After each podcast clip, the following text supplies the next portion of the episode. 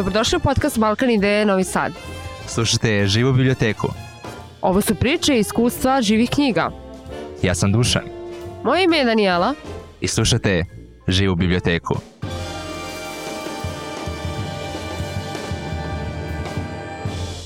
Dobar dan svima i dobrodošli u još jednu epizodu podcasta Balkan Ideje Novi Sad. Danas pored mene sedi Ivan Kanjuh, koji je dugogodišnji aktivista u rusijskoj zajednici, između ostalog se bavi, e, bavio i novinarstvom i uključen je u Rusinski kulturni centar Matka.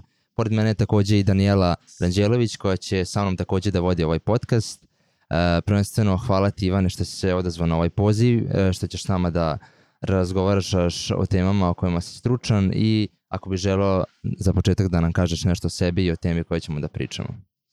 Hvala vama na pozivu i pozdrav svim vašim slušalcima. Drago mi je što ću imati priliku da ovaj predstavim rusinsku zajednicu, e, najviše naravno kroz svoj rad, jel?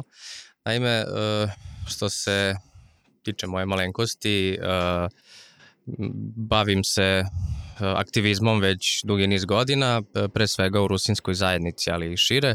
Kad je reč o rusinskoj zajednici, bio sam aktivan od možda 2007. godine, kada sam učestvovao na međunarodnom volonterskom kampu u organizaciji Volonterskog centra Vojvodine i od tad sam zavoleo aktivizam i zatim sam se uključio i u priču mladih istraživača Srbije. U Novom Sadu sam učestvovao u mnogim projektima koje je organizovala upravo Balkan Ideja Novi Sad, kao što je Živa biblioteka i neki slični projekti, a sada u okviru Rusinskog kulturnog centra u Novom Sadu, poznatim kao Matka, radim zajedno sa drugim mladima kako bismo taj Rusinski kulturni centar što više otvorili široj zajednici i tu upravo radimo projekte koji su zanimljive pre svega za mlade i e, pokušavamo da kroz neki e, drugačiji, odnosno alternativni način predstavimo rusinsku zajednicu e, našim sugrađanima e, kroz rad e, kluba amatera Rusinskog kulturnog centra. Sjajno, hvala ti Ivane puno što si izvojio vreme da dođeš i da porazgovaraš sa nama. S obzirom da si ti istoričar po struci i profesiji, možeš li nam mož, možda malo više reći o ruskoj nacionalnoj zajednici, o istoriji Rusina, o tome kako su se oni raseljavali, u kojim državama žive Rusini, ne znam, ja bih možda spomenula i neki bitan datum, odnosno volila bih da čujem i neki bitan, da, bitan datum, šta je to što je vama kao Rusinima veoma bitno.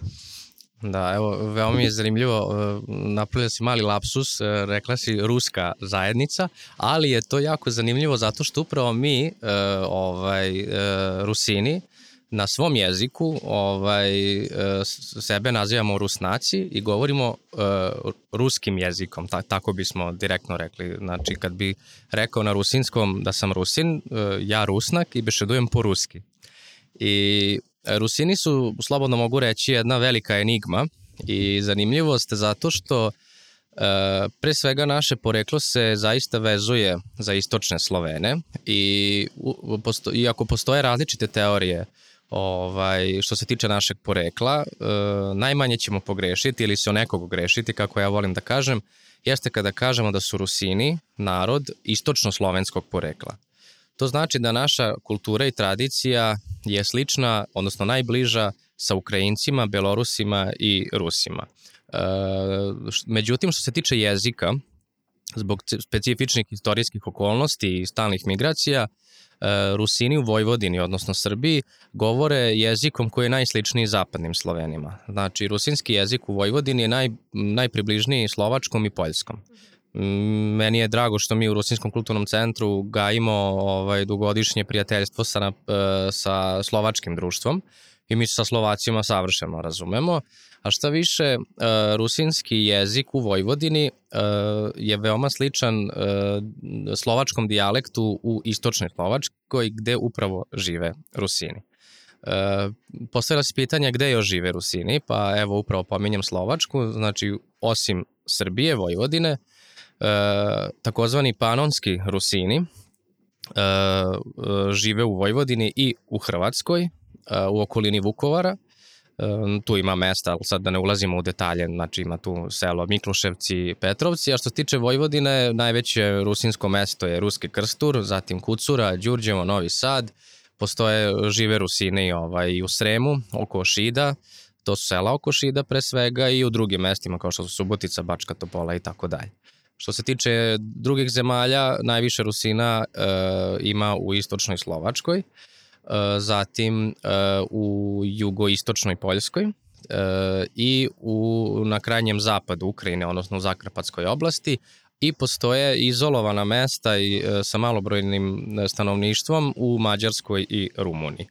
U, u principu radi se o karpatskom arealu i upravo su se Rusini na ove prostore, znači u Vojvodinu i Srbiju, doselili sa Karpata, e, te poznate za nas 1751. godine.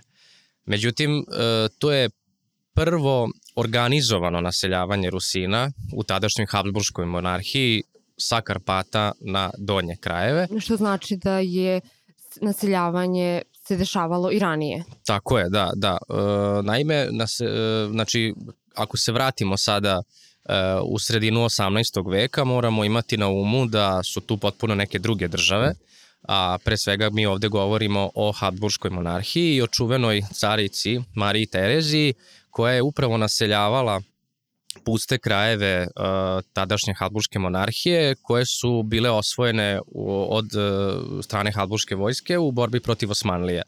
Vojvodina tada nije uopšte bila tako bogata ovaj, i žitnica Evrope kako mi to danas govorimo, već je to bila močvara i prosto je bilo potrebno da se naseli stanovništvo koje će obrađivati te krajeve.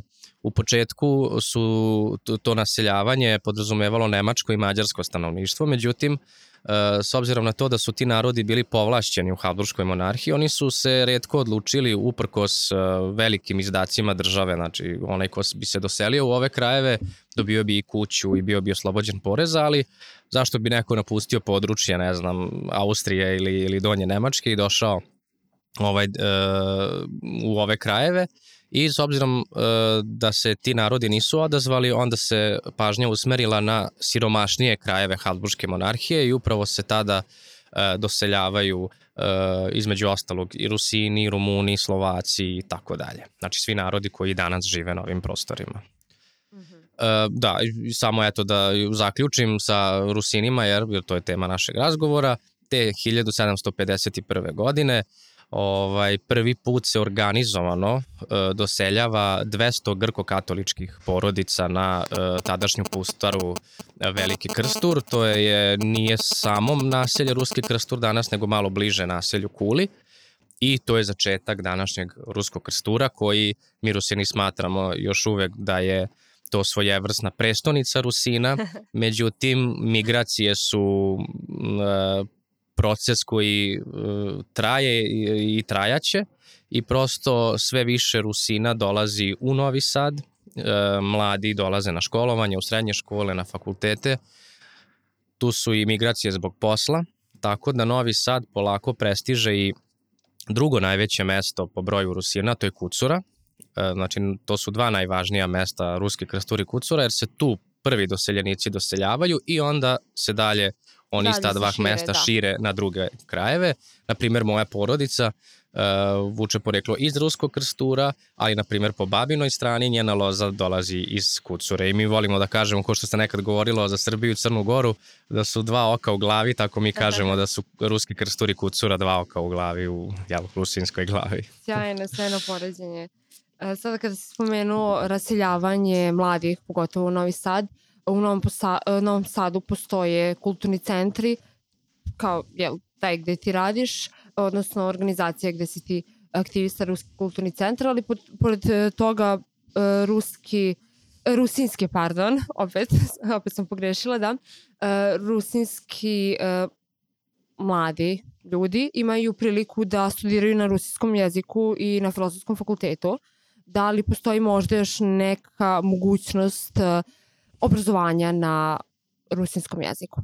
Apsolutno, ono što zaista možemo sa ponosnom da istaknemo jeste uh, to što bez obzira u kakvom stanju se nalazi naša država, znamo da u našoj državi postoje mnogi izazovi, zaista moramo da pohvalimo uh, Republiku Srbiju u smislu njenog odnosa prema nacionalnim manjinama. Ovaj, nacionalne manjine imaju visoki, stečen, uh, visoki stepen stečenih prava i naime Rusini su jedna od malobrojnih zajednica koja ima toliko velika prava u jednoj državi. Kada je reč o obrazovanju, evo, podelit ću s vama informaciju da Rusini imaju pravo na obrazovanje od vrtića pa sve do fakulteta.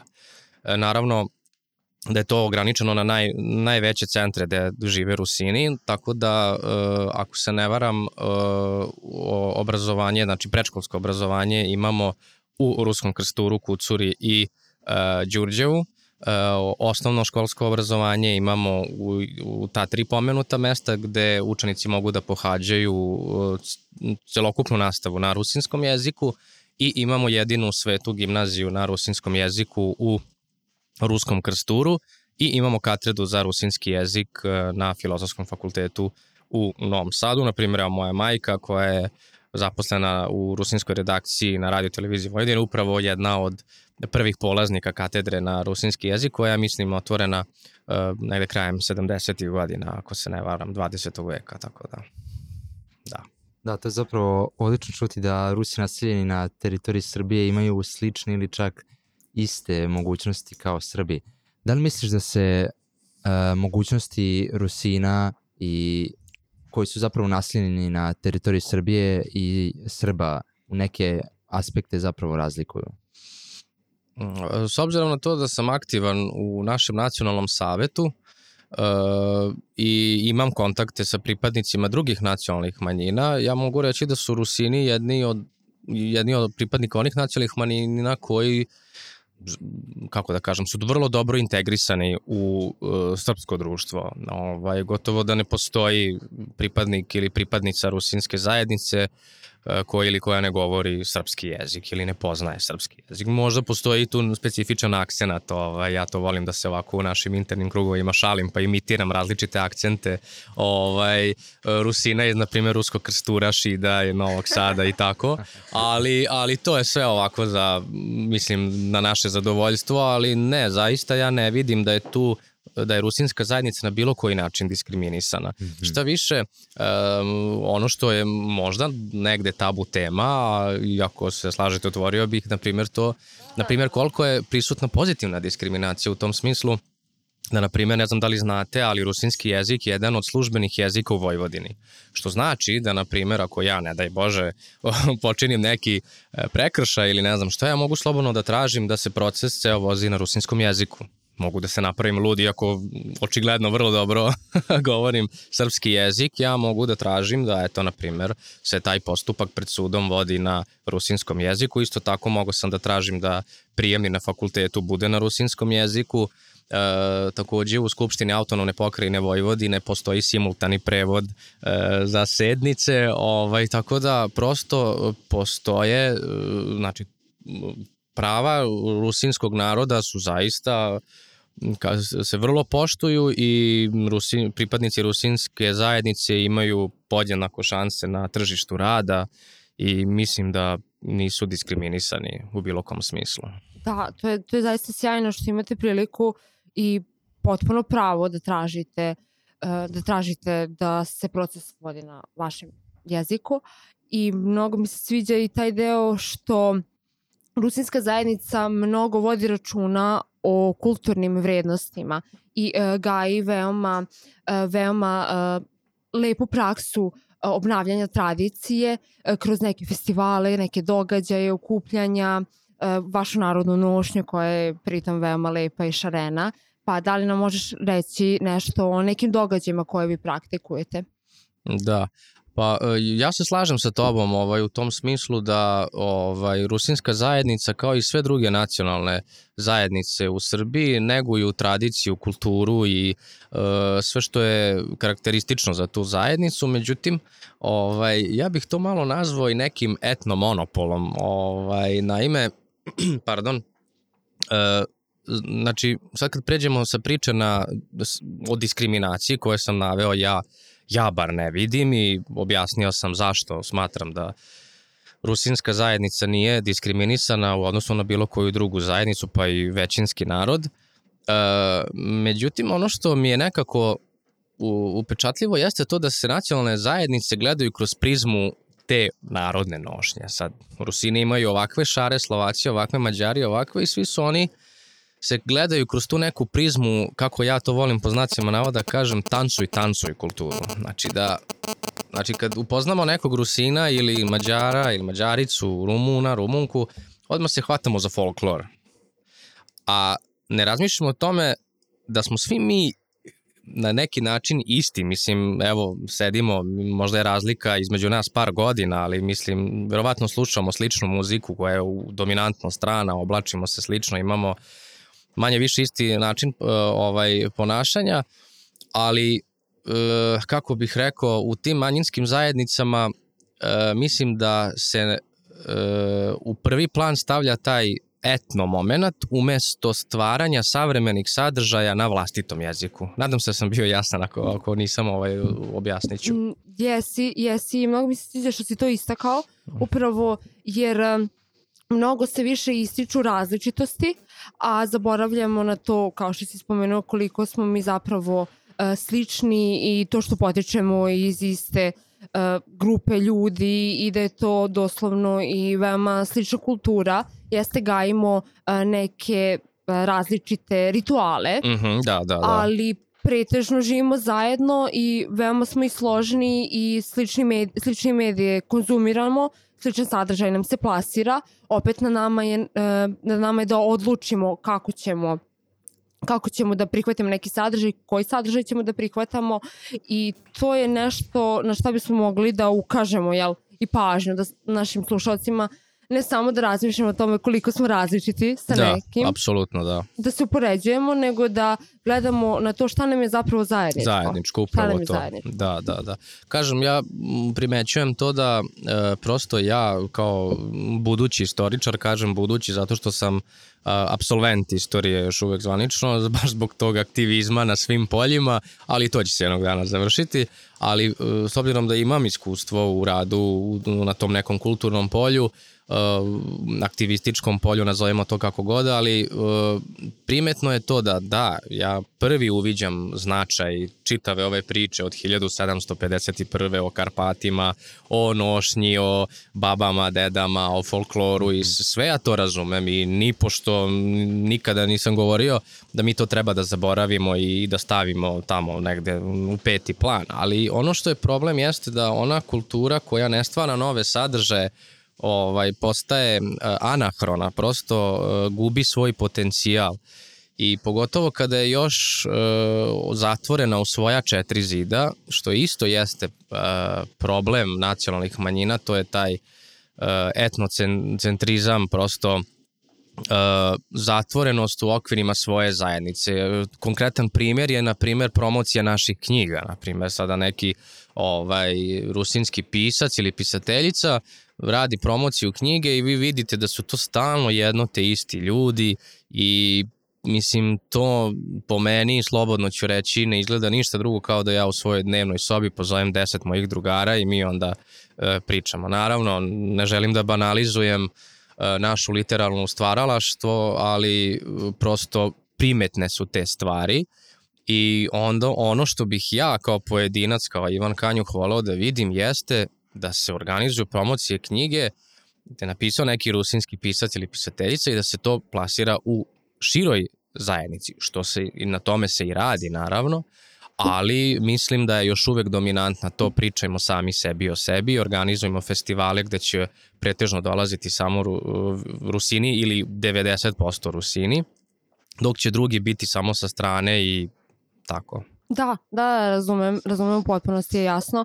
Tu bih se nadovezala sa pitanjem koje sam ti već postavila, ali verovatno nisi uspio da odgovoriš jer sam te zatrpala nekim sadržajem. Uh, spomenula sam manifestacije neke. Uh -huh. uh, jeste, pored toga što te manifestacije predstavljaju negovanje rusinske uh, tradicije, običaja, uh, prikazivanja vaših specialiteta, opet to je sjajna prilika uh, drugim nacionalnim manjinama u Vojvodini, pritom i građanima Republike Srbije, da dođu i da se upoznaju sa time šta je nešto originalno vaše, a i da imaju priliku i da razmene iskustva.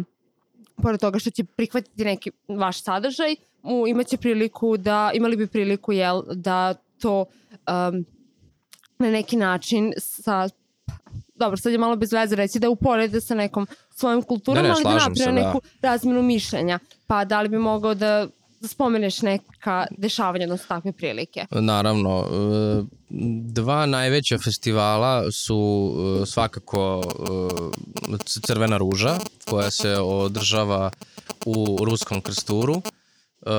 Zatim imamo festival Ružin vrt u organizaciji radio televizije Vojvodine. Zatim imamo Kucursku žatvu, e, sama reč, jel, kucurska žatva, to održava se u, drugom najvećem selu po broju Rusina u Republici Srbiji. E, imamo e, melodije Rusinskog dvora u Šidu, e, imamo e, neka se ne zaboravi ovaj festival u, u Đurđevu. E, naravno imamo i, na primer, Kostelnikovu jesen, koja je posvećena literaturi, e, zatim, mislim, o nekog ću se ogrešiti jer ću zaboraviti da pomenem neki festival i slažem se sa tobom u oceni da to jeste dobra prilika da se uspostavi neki prvi kontakt, na primjer neko ko nikad u životu nije upoznao nekog iz rusinske zajednice da dođe i da vidi, ali nikako ne sme da bude jedini. U, u, to, to samo želim da istaknem i naravno ja sam posjećivao te naše festivale i, i pomažem u njihovoj uh, realizaciji na različite načine.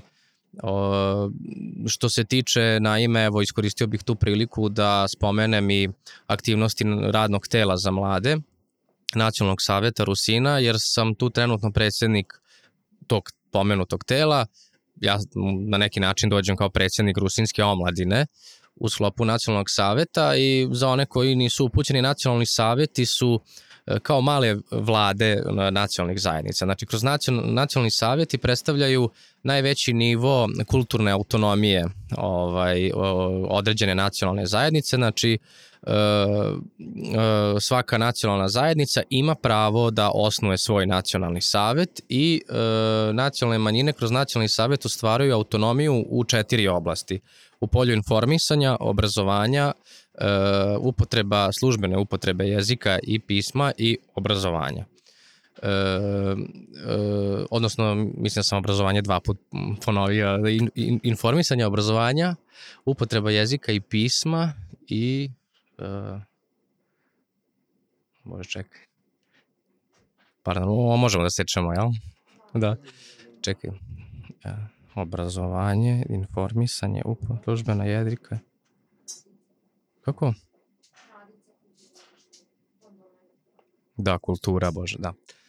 E, znači svaka nacionalna zajednica kroz nacionalne savete ostvaruje svoju kulturnu autonomiju u oblasti kulture, obrazovanja, upot, službene upotreba jezika i pisma i informisanja. S tim da nacionalni savjeti imaju pravo da osnuju posebne ovaj e, odbore ili radna tela e, za neka pitanja koje smatraju značajna za svoju zajednicu. Nacionalni savet Rusin, Rusina je ovaj, osnovao radno telo za mlade i o, o, mislim da je e, odnosno siguran sam da je od stranjene Jukoma ocenjeno to kao primer dobre prakse. Kad je reč o uključivanju e, mladih u rade nacionalnih saveta. Konkretno, naše radno telo se sastoji od e, devet članova, gde zajedno e, odlučujemo o tome koje sadržaje ćemo podržati pružamo im i logističku podršku, finansijsku pre svega, jer imamo određen budžet.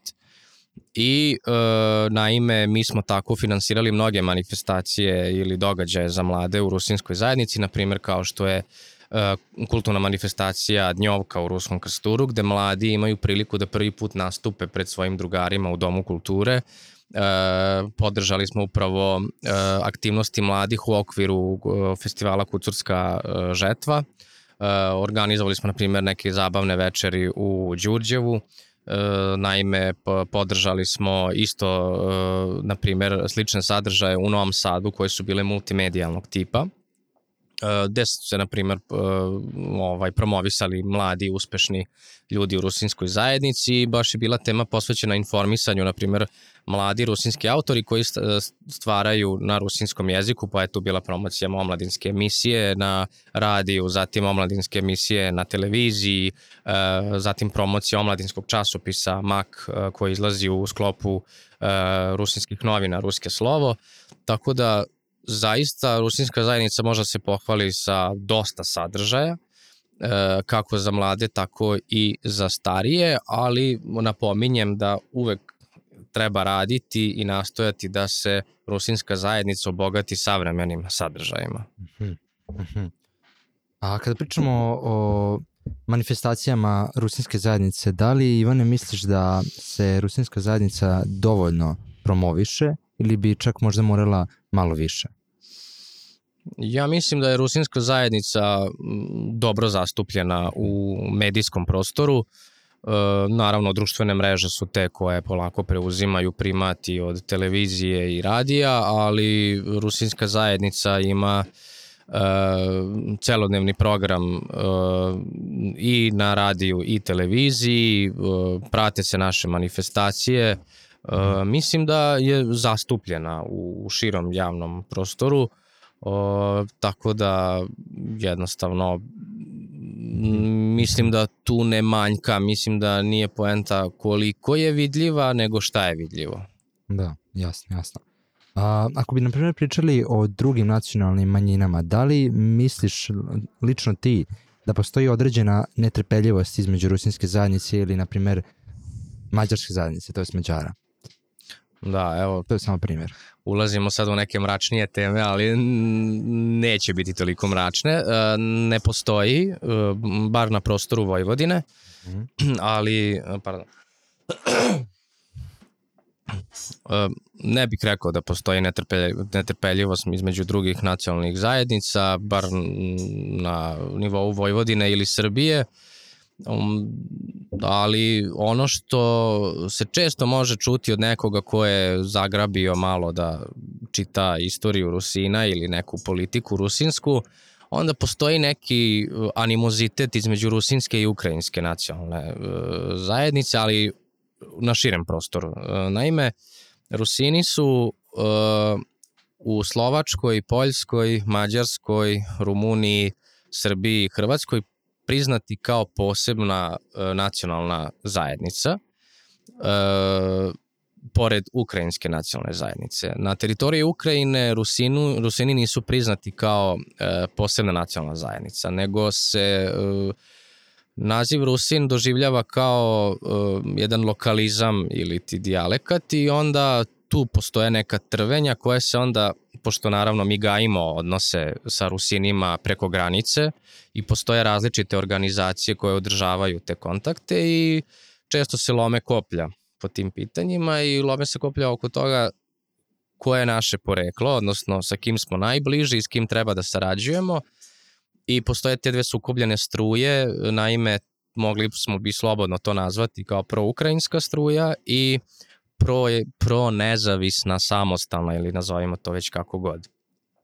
Tako da neki stariji pripadnici rusinske zajednice i tekako umeju da budu ostrašćeni, može se tu i tamo pročitati neki tekst gde se proziva neka osoba ili gde se naziva ukrajinofilom, da želi da asimiluje rusinsku zajednicu, ali i ono što je meni drago jeste da mladi ljudi uopšte njih to ne dotiče, niti mm -hmm. oni znaju o čemu se to radi. Mislim, u jednu ruku je to dobro što se ta mržnja ne, ne može da se ukoreni kod mladih Rusina, ali sa druge strane je žalostno zato što tu govori da Rusini, mladi Rusini nisu baš ni zainteresovani da znaju svoju prošlost koja je dalja od 1751. Mm -hmm. godine. Jer ono što ja uvek volim da istaknem, e, Rusini se jesu na ove prostore doselili 1751. i ranije, 40. godina, 1700. godina, ali uh, rusinska istorija je mnogo starija i Rusini su uh, se iz daljih istočnih krajeva doselili na Karpate. E, tu mhm. dolazi do tih različitih pogleda.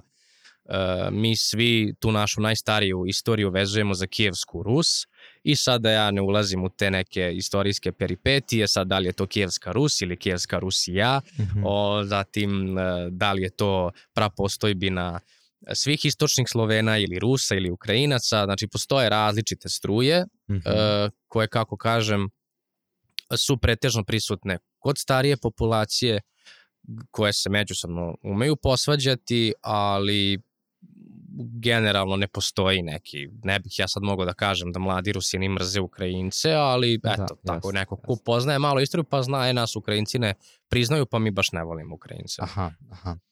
Da li onda misliš da je zapravo ta netrpeljivost koja je rođena između starijih uh, građana uh, zapravo zasnovana na tome da bolje poznaju rusinsku istoriju? Mm, pa jeste, to je malo takmičenje ko tu bolje poznaje ovaj, e,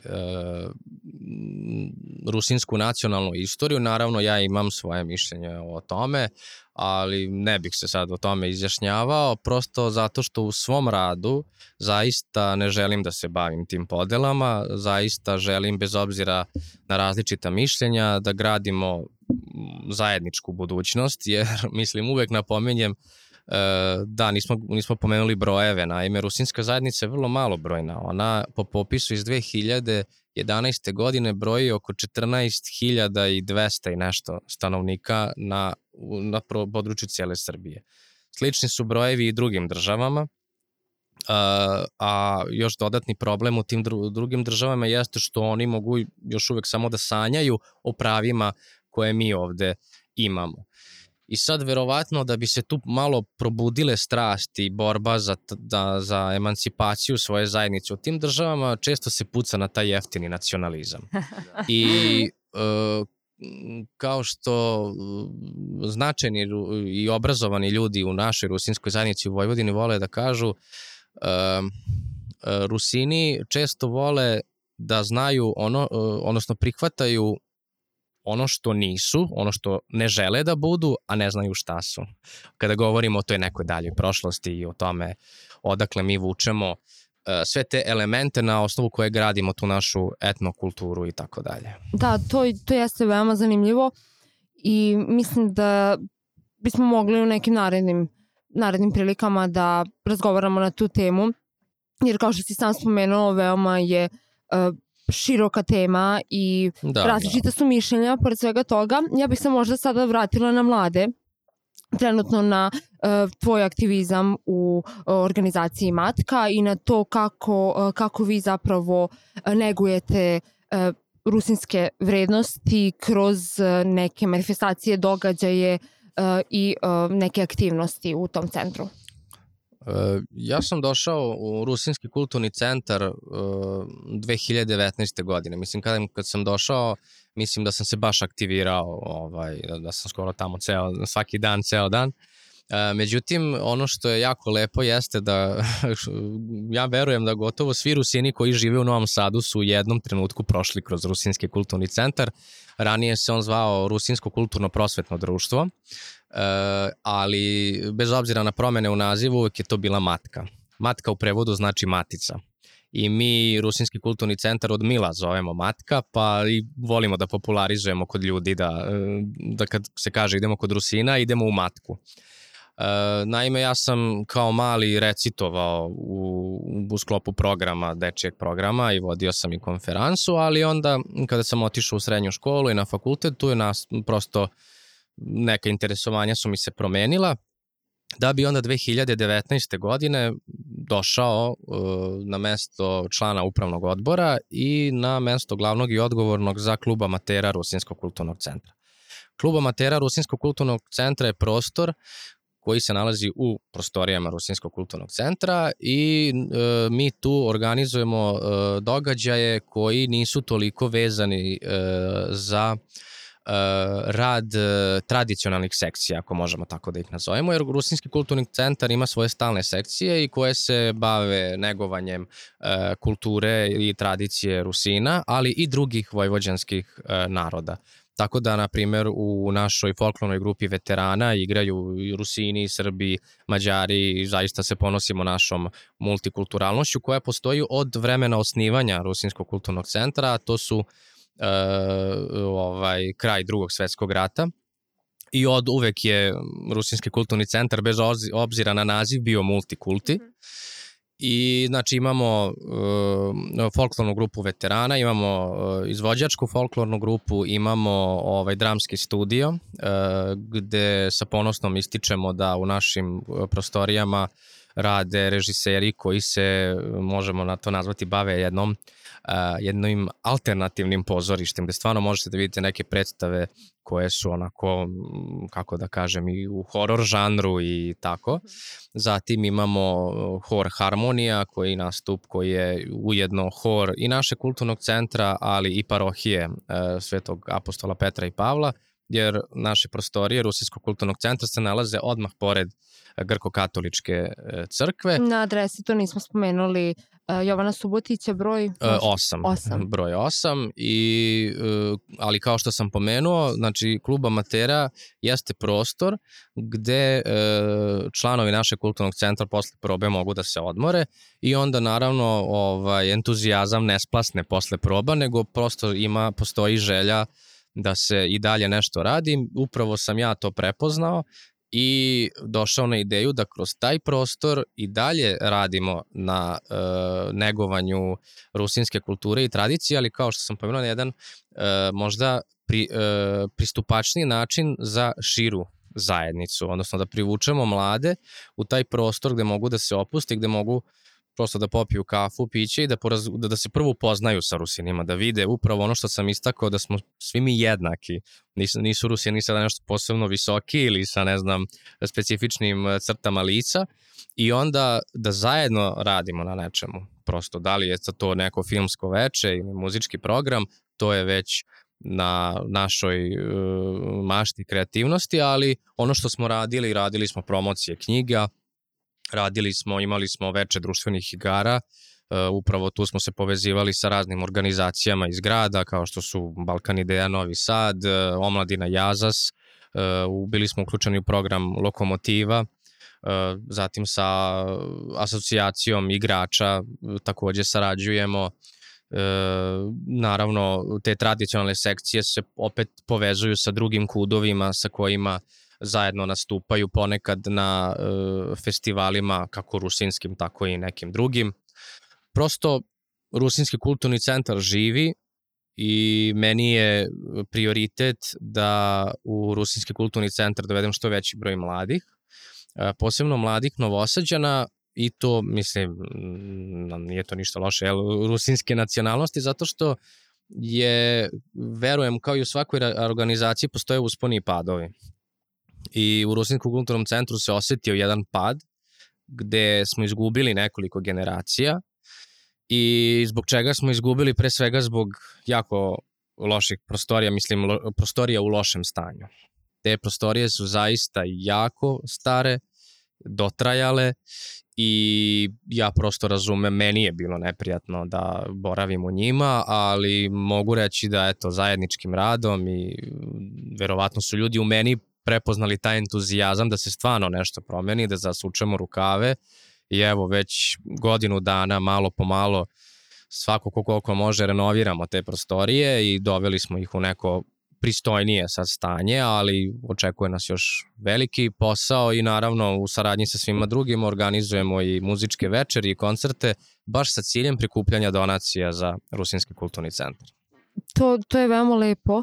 To je veoma lepo jer na neki način i um, samodrživi ste donekle. Ok, spomenuo se da imate određen budžet, pretpostavljam da grad Novi Sad uh, izdvaja određen budžet uh, za vas, ali pružate mladima priliku da nauče i pored toga o ruskoj kulturi i o negovanju uh, ruski, ruskih, rusinskih, pardon, opet sam se zbunila, da, vrednosti, da nauče i možda donekle nešto o preduzetništvu, o tome na koji način mogu jel, da dođu i do nekih sredstava.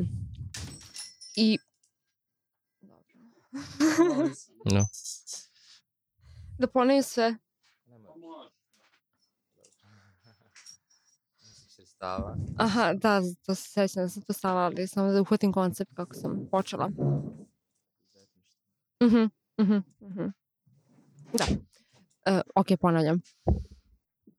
To je zaista sjajno jer pored toga što vi negujete, e, što učite mlade Rusine o tradiciji, rusinskoj tradiciji, vrednostima i o nekim kako da, o tome kako da se na kreativan način uh, iskažu prikažu neke svoje sposobnosti. Uh, pored toga oni imaju priliku jel, kroz uh, taj uh, aktivizam da nauče i kako da uh, organizovanjem nekih događaja prikupe sredstva da bi uh, imali kasnije za neke dalje planove, uh, pošto pretpostavljam da grad Novi, grad Novi Sad svakako izdvaja određen budžet da biste vi imali, uh, mogli da pokrijete neke troškove, naravno, ali to je super jer ste na neki način i samo održivi i kada bi vam taj izvor presušio, imali biste uh, mogućnost, odnosno znali biste, ne biste do, do kraja potonuli i mogli biste da nastavite i dalje rad.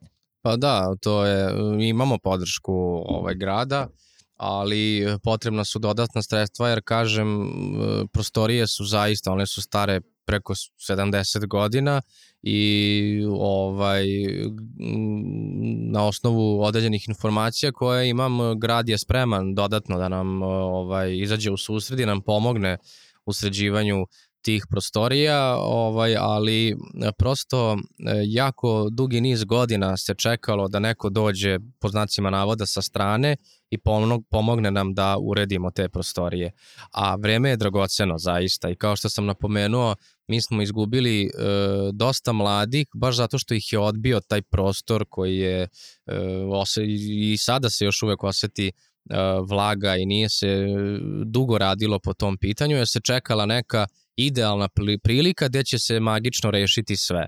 Mm -hmm. Ja sam odlučio ipak uh, da idem korak po korak i da u zavisnosti od sredstava koje prikupimo kroz različita dešavanja sređujemo problem po problem i slobodno mogu reći da je od na početku bilo ljudi koji su bili sumničavi prema meni, koji su bili čak i cinični i ironični i smatrali su da je sve to ovaj dečija igra, ali e, pozivam sve da ovaj dođu u prostorije Rusinskog kulturnog centra da vide šta radimo, e, namjerno kažem šta radimo jer mislim tu mislim i na same sadržaje, a i kako napreduje mm -hmm. samo renoviranje. Prisutni smo i na društvenim mrežama jer to prepoznajemo kao vrlo važno i jako je dobro da se sadržaji plasiraju široj publici Ima nas na Facebook stranici, Instagram stranici, RKC Donja crtica matka, tako da svi zainteresovani mogu da se upoznaju sa našim radom i naravno e, otvoreni smo za sve ideje, za druženja i za saradnju. Hm, super. Da li, Ivane, postoje neke određeni konkretni koraci koji mogu već da se preduzmu šta više, možda i sledeće nedelje ili čak sledećeg meseca ili tokom ove godine za unapređenje eto tih prostorija što si spomenuo ili čak u ostvarivanju nekih ciljeva rusinske zajednice? Uh, ono što je veliki izazov za sve nas jeste ova pandemija koronavirusa. Da, da. Mi smo zaista jako lepo krenuli i zaista svakog meseca smo imali uh, tačno određeno šta ćemo imati, kakve sadržaje zabavnog tipa, eduka, mm. edukativnog tipa, gostovanja i, i tako to. Međutim, korona je zaista sve poremetila i zato i pomenuo sam pad entuzijazma jer pet meseci je od novembra pa tu negde čak do aprila meseca nije mhm. bilo, nije se moglo organizovati nešto i sad polako ponovo stajemo uh, na noge, ali pratimo situaciju, ovaj, e, pošto vidimo da brojevi opet rastu, to nas sve zabrinjava. E, ovo leto smo svakako iskoristili da, da se svi ti festivali na koje treba da gostujemo, da se posete, da, jer ljudi su željni i da. sekcije i rade zbog toga što da mogu posle da prezentuju svoj rad. Tako da e, ovo je zaista jedno jako brzo leto e, i vidjet ćemo šta jesen donosi, ali nastavljamo istim tempom, mm -hmm. to Mhm. bih samo želeo da kažem. Organizujemo dešavanja na kojima naši posetioci mogu da ostave donacije i tačno navodimo koliko se prikupilo, na šta je utrošeno, jer e, isto ljudi su malo sumnjičavi da li to ide u prave ruke i to, ali mislim da sa novim licima koja su ušla u Rusinski kulturni centar, pre svega kroz upravni odbor i kroz te neke savremene trendove koje smo ubacili, sama prisutnost na društvenim mrežama je mnogo vidljivija nego što je to ranije bilo. E, I radi se organizovanije i na način na koji treba da se vode stranice na društvenim mrežama ovaj, ljudi to prepoznaju i žele i doniraju, možda ne nužno u novcu, ali nama znači kad nam se pokloni cvet za našu baštu da bude Mm. da se ukrasi ili nam neko pokloni materijal, da li farbu, četke, mislim zaista smo onako bavimo se tim nekim gerilskim aktivizmom, ali ne samo tim aktivizmom. Ja pišem i projekte za Rusinski kulturni centar, tako da Mhm. Da sumiram celu ovu priču polako, ali sigurno. Mhm, Ok. Na, naravno, složit ćemo se da se svi uh, nadamo da će situacija s ekonomom da se popravi, da će sve nekako da se oslobodi te mere, da će da popuste i da će vaše aktivnosti moći da se ostvare u nekom skorijem periodu. Bojim se da nam vreme ističe polako, da prilazimo kraju. Uh, ovo je bila jedna izvanredna priča i mislim da će slušalci stvarno da ovaj, uživaju u svemu ovome. Uh, Ivane, da li ti imaš možda neku poslednju poruku uh, vezano za ovaj uh, za naše slušaoce i uh, nešto vezano za Rusine ili za rusinsku zajednicu što još želiš da podeliš sa nama ili nešto još da dodaš što si možda smetno suma ili zaboravio. Pa ja bih eto iskoristio priliku samo da sad ako, ako se obraćam široj zajednici, prosto da uvek imaju na umu opasnost od uh, jedne priče. Da ovaj se trude da uh, pripadnike drugih zajednica, bez obzira da li je to nacionalna ili neka druga zajednica, ne gledaju kroz jednu priču. Uh, ja sam to pomenuo na početku da je to ta neka tancu i tancu i priča, nego da, da uvek uh, nastoje da upoznaju osobu a onda da taj nacionalni deo te osobe prosto ovaj uh, uključe u deo njene ličnosti i onda da jel kroz tu osobu poznaju tu zajednicu i da vide kako ona doživljava uh, na primer konkretno rusinsku zajednicu. A što se tiče uh, samih mladih Rusina, želim da ih ohrabrim u tome da uh, istraju onome šta rade, pogotovo ako uh, žele i, uh, i stvaraju neke uh, savremene stvari, uh, da znaju da je uvek tu neko da ih podrži, čak i ako to možda ne vide, i da se bore u svojim sredinama za to da se njihov glas čuje. I ono što želim da ih ohrabrim, da neguju u sebi buntovnički duh. To ne znači da treba da poruše sve autoritete oko sebe, već da prepoznaju autoritete. Da u starijim ljudima prepoznaju kvalitet i da to cene i da znaju da su stariji tu uvek da ih posavetuju iskustvom i znanjem. Ali isto takođe da podignu svoj glas kada e, starije osobe prema njime, nije, njima čine neku nepravdu.